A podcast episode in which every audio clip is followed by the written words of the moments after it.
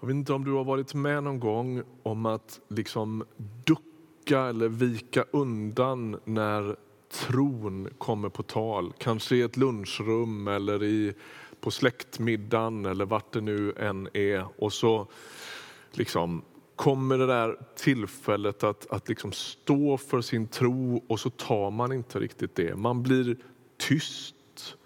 Eh, man skäms kanske. Och så efteråt så skäms man för att man skämdes. Jag har varit med om det många gånger. Jag tänker att det har du sannolikt också. När liksom man tänker ah, att nu skulle jag ju vilja, jag står ju egentligen för detta. Jag tror ju på detta. Vad är det som gör att jag viker undan? Precis som Ea sa inledningsvis så stannar vi nu några söndagar inför andra Timoteusbrevets första kapitel. Och vi funderar över vad det är som skulle kunna bota Timoteus modlöshet. Han verkar ha drag i sin personlighet, det var vi inne redan på förra veckan, som dämpar honom.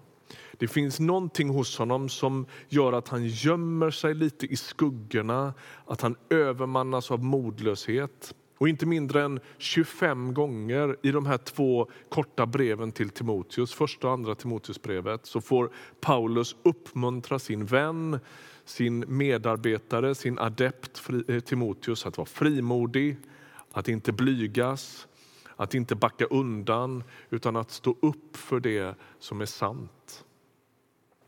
Förra veckan så stannade vi inför hur ett av de här stegen mot nytt mod skulle kunna vara att komma ihåg vad Gud har gjort i våra liv. Och dagens rubrik den är Jag skäms inte för jag vet vem jag tror på. Det är dagens rubrik. Det verkar som sagt som att Timoteus modlöshet har med flera olika saker att göra. Dels är han osäker på sin egen roll, sitt eget bidrag. Har jag vad som krävs för att vara Guds tjänare, för att predika och vara pastor och vad det nu är han är? Ehm. Men dels verkar det också finnas något djupare här som handlar om skam. Om att backa undan för att man skäms. Det är lite svårt för oss som läser den här texten att liksom frigöra oss från historien. Vi vet ju hur det går sen. Timoteus är ju mitt i kristendomens centrum. Paulus är hans mentor och de här breven som han tar emot de kommer ju bli en del av Nya testamentet. Han måste ju ha vaknat varenda morgon och tänkt idag är jag med och förvandlar världen. Jag är med och skriver historia. Vilken grej! Urkyrkan växer fram och jag är mitt i smeten. Min mentor Paulus och jag kommer att omnämnas och predikas om i kyrkor i tusentals år.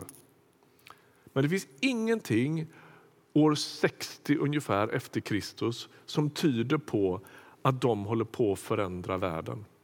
Visst, det växer fram en rörelse som är svår att motstå och som är svår att kväsa. Eh, och det bildas församlingar på olika platser, men det är små enheter. Församlingen i Rom på den här tiden, den som ju är världens huvudstad då, den tror teologerna och bibelforskarna eh, det handlar om ungefär 120 människor som samlas i några hem. Det är församlingen i Rom. Det finns ganska lite just nu som tyder på att det här kommer att liksom eh, sätta avtryck i hela världen. Paulus sitter i fängelse när han skriver brevet till Timoteus. Och Paulus liv ser inte direkt ut att sluta i triumf. Han är slagen, han är trängd, han är tillfångatagen, han är märkt av Jesus efterföljelsen väldigt fysiskt genom piskrapp och, och eh, skeppsbrott och, och, och massvis med olika umbäranden. Så här sitter Timoteus i Efesos som också är en storstad där han är pass, församlingspastor och så är han rätt så vissen och lite matt i pälsen. Vad gör Paulus med den mot, modfällde Timoteus? Jo, men han talar med honom om den här skammen och så försöker han hjälpa honom att se vad Gud har gjort. Skäms inte, läste Alfred i vers 8, för vittnesbördet om vår Herre Jesus och inte heller för mig som är fånge för hans skull. Skäms inte för vittnesbördet om vår Herre. Berättelsen om Jesus den är ju ingen hjältehistoria på ett sätt. Eh, det är berättelsen om hur Gud förnedras, hur han kläs av, hur han pryglas och hur han dör som en brottsling. Det är väldigt oansenligt och det väcker samtidens förakt.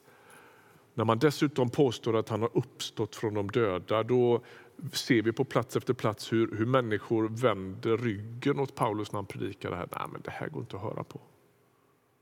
Och också Paulus verkar ha en viss förståelse för att det är det här som vaknar och för att evangeliet om Jesus på, på ett sätt och vid en första anblick inte är särdeles imponerande. Han skriver så här i Romarbrevet 1, det är Paulus igen då som skriver. Jag skäms inte för evangeliet. Det är en Guds kraft som räddar var och en som tror, juden främst, men också greken. I evangeliet uppenbaras nämligen en rättfärdighet från Gud genom tro till tro, som det står skrivet, den rättfärdige ska leva genom tron. Alltså, den första anblicken, vid första anblick så är evangeliet om Jesus lite oansenligt och till och med ehm, um, riskerade att väcka skam. Hur ska vi kunna tro att det här brutala avrättningstillfället i Jerusalem ska ha med världens frid och fred och öde att göra? Sen fortsätter Paulus och säger skäms inte heller för mig. Låt oss stanna bara lite inför den utsatthet som finns i den meningen. Paulus sitter tillfångatagen i Rom. Han skriver flera av sina kända brev under den där fångenskapen. Han är ensam på sin ålders höst. Vi vet ju hur det här kommer att sluta. Eventuellt blir han, det är lite oklart hur tidslinjen ser ut i slutet på Paulus liv. Förmodligen blir han frikänd eller frigiven igen efter den här husarresten han sitter i och kan resa fritt en period till innan han återigen blir tillfångatagen i Rom och till sist blir halshuggen någon gång i mitten på 60-talet efter Kristus. Och så sitter han där i sin cell och så skriver han brev till sin elev Timoteus, eller sin teamarbetare. Och så säger han, jag ber dig Timoteus, skäms inte för mig. Jag vet inte om du känner igen dig i det där. Ibland är det så att vi skäms inte för budskapet om Jesus. Du kanske tycker att ja, men där skaver det inte. Jag vet vem jag tror på. Men ibland kan vi skämmas för hans folk. Vi kan skämmas för andra kristna. Vi skäms för kyrkan. Och vet du, ibland är det helt legitimt. Alltså, det gör jag med. Kyrkan har gjort så mycket dumma grejer. Och samtidigt så är det, jag brukar säga så här, kyrkan är befolkad av både helgon och skitstövlar. Och kyrkan är både det vackraste och det fulaste jag har sett. Sen fortsätter Paulus och pratar vidare om det här med vittnesbördet om Jesus. Och så läs, skriver han så här, om vi återvänder till andra Timoteus 1 och läser vers 9 och 10. Han, alltså Gud, har räddat oss och kallat oss med en helig kallelse. Inte på grund av våra gärningar, utan genom sitt beslut och sin nåd som han skänkte oss i Kristus Jesus redan före tidens början men som har blivit uppenbar nu när vår frälsare Kristus Jesus trätt fram. Han har utplånat döden och dragit liv och oförgänglighet fram i ljuset genom evangeliet. Här kan det låta som att Paulus tappar tråden lite. Svänger han av liksom från sin poäng och brister ut i någon slags liksom lovprisning till Jesus? Nej, men det här hänger ihop. Det här är absolut avsiktligt. Han driver hem sin poäng på det här sättet. Kommer du ihåg Timoteus vad det är som har hänt?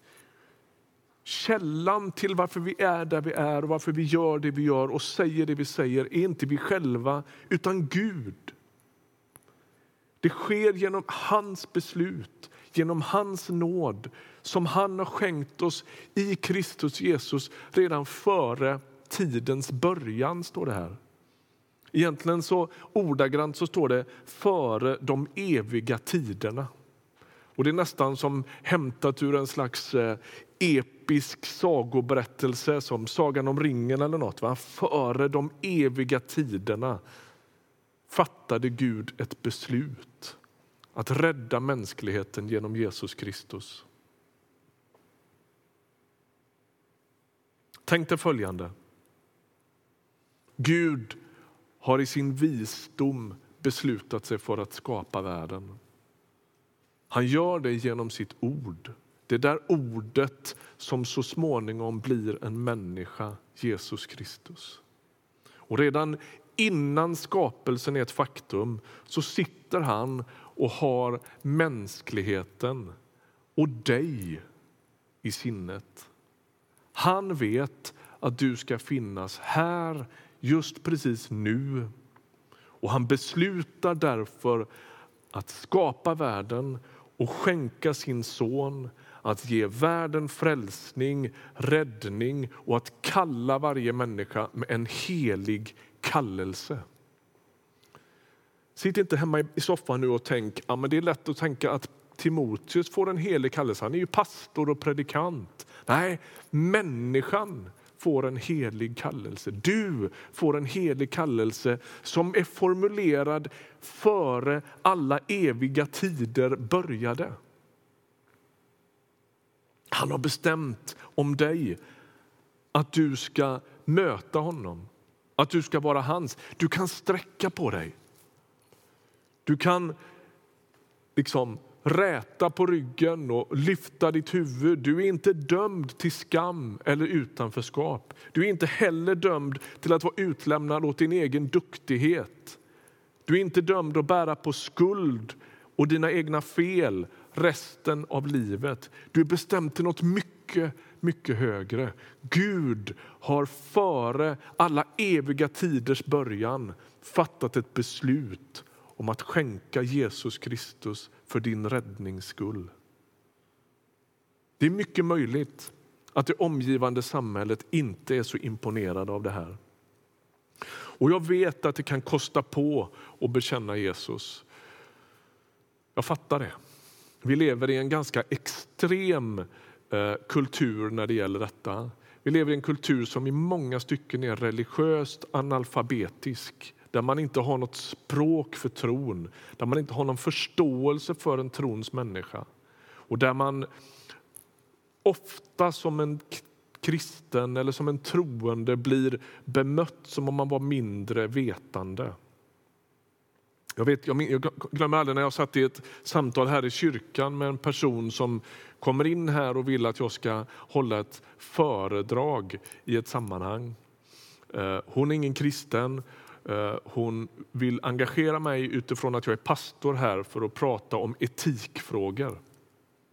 Och hon börjar prata vitt och brett om hur ja, det är ju viktigt att också få prata om tro därför att det är klart en del människor är ju väldigt oinformerade och tror ju fortfarande och lever med en slags religiös världsbild. Hon sitter och pratar med en pastor om hur trons människor är mindre vetande. Jag fattar något av det där. Och samtidigt så är budskapet i den här texten väldigt tydligt. Trots alla, allt det där, trots det du är med om i din vardag, trots det som händer av förminskning eller fördumning eller där människor liksom tittar ner på dig för din tros skull, så sträck på dig. Det är bestämt sedan före de eviga tiderna att Jesus ska träda fram. Och nu är det som att vi har dragits in i det dramat. Och när vi dras in i det här evangeliet om Jesus Kristus så är det som att tillvaron i många stycken vänds upp och ner. Vi börjar skämmas för sånt som vi tidigare har varit stolta över.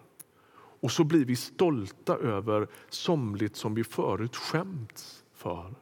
Och här är det som att Paulus försöker sätta sökarljuset på någonting som Timoteus ska se. Det är bakvänt nu. Din stora stolthet i livet är en skamfylld död på ett kors. Och din stora, liksom, inte skam, men det som du nu inte längre bryr dig om och det som inte längre kodar ditt värderingssystem, det är en del saker som förut drev dig. Det är bakvänt nu. Så Paulus har talat med Timoteus om att inte skämmas för Jesu evangelium och inte heller för Jesu folk. Och så landar han ner det här till sist med att tala om att inte skämmas för Jesus själv. Han säger, därför, vers 12, därför måste jag utstå allt detta, men jag skäms inte för jag vet vem jag tror på och jag är viss om att det står i hans makt att bevara det som har fått mig anförtrott ända fram till den dagen. Summan är, säger Paulus, jag vet på vem jag tror.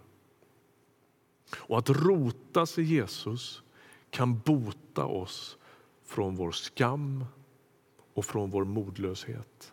Det här handlar inte om något peptalk där du ska liksom intala dig en massa grejer.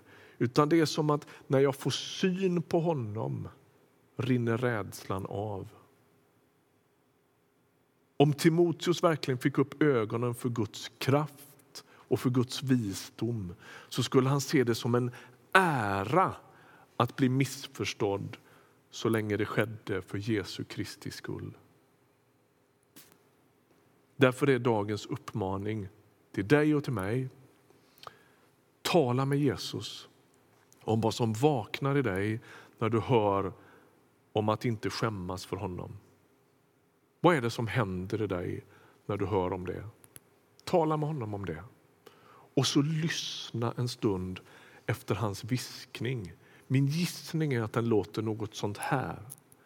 Jag har kallat dig med en helig kallelse. Du är utvald. Du är min. Du är älskad. Du är sedd. Sträck på dig. Ditt liv spelar roll. Amen. Låt oss be tillsammans. Herre, vi tackar dig för att du bryter in i våra liv med ditt ljus. Vi tackar dig för att Bibeln är full av sådana här berättelser av, om mänsklig svaghet, om skörhet, om osäkerhet. Därför att vi känner igen oss så väl i det. Nu ber vi att få höra vad du vill säga till oss idag. Bryt modlösheten. Bryt in med, din, med ditt liv, med ditt ljus, med din egen närvaro. Tack att du hör oss när vi ber. Amen.